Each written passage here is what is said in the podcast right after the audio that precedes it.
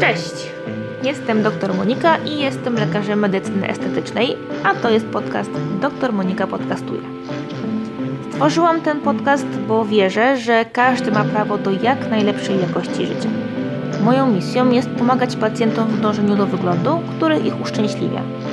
W kolejnych odcinkach będę opowiadać Wam o zabiegach medycyny estetycznej i pracy lekarza od kuchni. Obalimy także wiele stereotypów związanych z poprawieniem urody. Wszystko po to, abyście wiedzieli, jak wiele możecie zrobić sami lub z pomocą lekarza, aby zachować młody wygląd. Pokażę Wam, że prawdziwa medycyna estetyczna to utrzymanie naturalności w harmonii ze zdrowiem. Zapraszam! Kojarzycie te listki odciążające oddech, które rozpuszczają się na języku? To ciekawa alternatywa dla gum do rzucia. Zawsze mam to skojarzenie, że nici liftingujące są taką alternatywą do innych zabiegów. Dlaczego akurat to porównanie? Posłuchaj dalej w naszym dzisiejszym podcaście.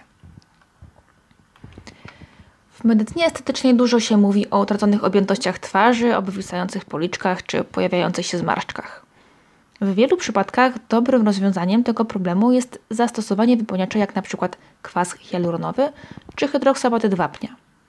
Zdarza się jednak, że objętość twarzy jest odpowiednia albo już uzupełniona wypełniaczem, ale skóra cały czas opada, tworząc bruzdy nosowo-wargowe i chomiki.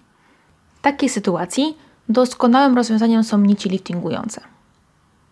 Kiedyś, zanim zostałam lekarzem medycyny estetycznej, myślałam, że nici liftingujące to coś tylko dla najodważniejszych, którzy przesadzają z zabiegami. Ale nic bardziej mylnego. Nici liftingujące przyszły do nas z Korei. Nici. To brzmi tajemniczo, prawda? Jednak ich koncepcja jest nam bliższa i prostsza niż się wydaje. Wszystko zaczęło się w Korei Południowej, która jest królową w świecie nici. To tam odkryto, że rozpuszczalne nici chirurgiczne, rozpuszczając się, stymulują syntezę fibroblastów, kolagenu i elastyny, a także kwasu hialuronowego. To wszystko sprawia, że skóra staje się gładsza, jędrniejsza.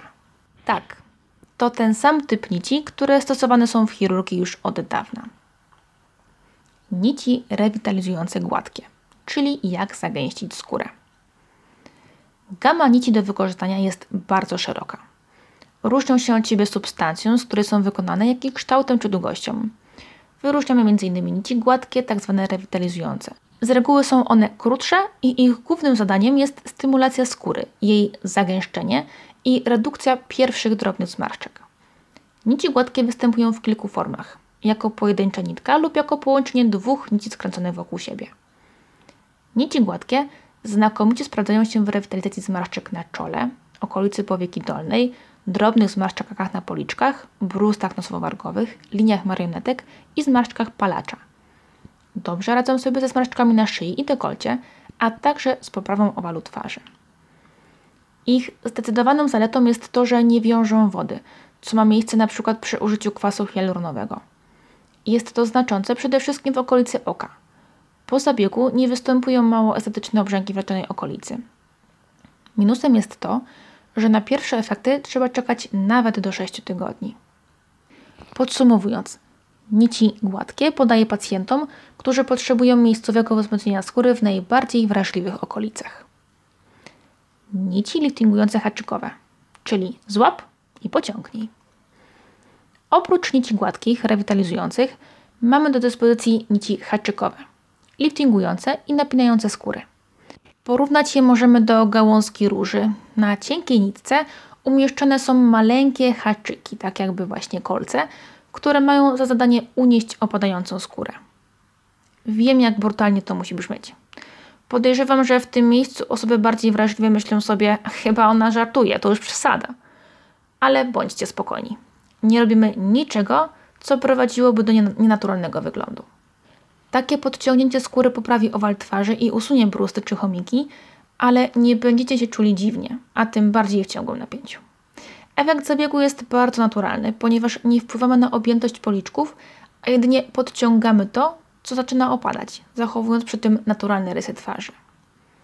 Nici liftingujących użyjemy do uniesienia opadających koniczków ust, uniesienia brwi, poprawy linii żuchwy i owalu twarzy, redukcji chomików. I jak wygląda zabieg?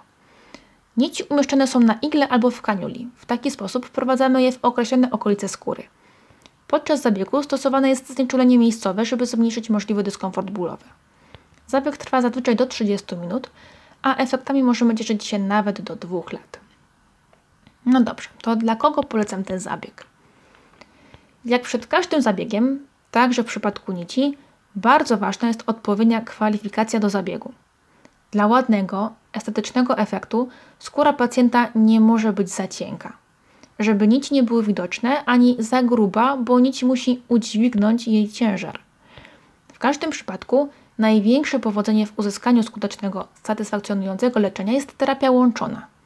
Najlepiej jest przed zastosowaniem nici przywrócić prawidłowe objętości twarzy kwasem hialuronowym, a dopiero potem postawić tą przysłowiową kropkę nad i.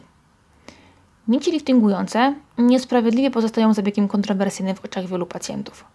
Prawda jest taka, że to bardzo dobre narzędzie do radzenia sobie z oznakami upływającego czasu. Mam nadzieję, że teraz, kiedy usłyszysz o tym zabiegu od lekarza, nie będziesz chciała uciec z gabinetu. Dzięki za wysłuchanie tego odcinka. Pamiętaj, żeby śledzić profil dr Monika na Facebooku i Instagramie, gdzie pojawiają się treści niedostępne tutaj. Pokazuję tam m.in. efekty wykonanych zabiegów i odpowiadam na Wasze pytania. Dzięki i do usłyszenia w kolejnym odcinku.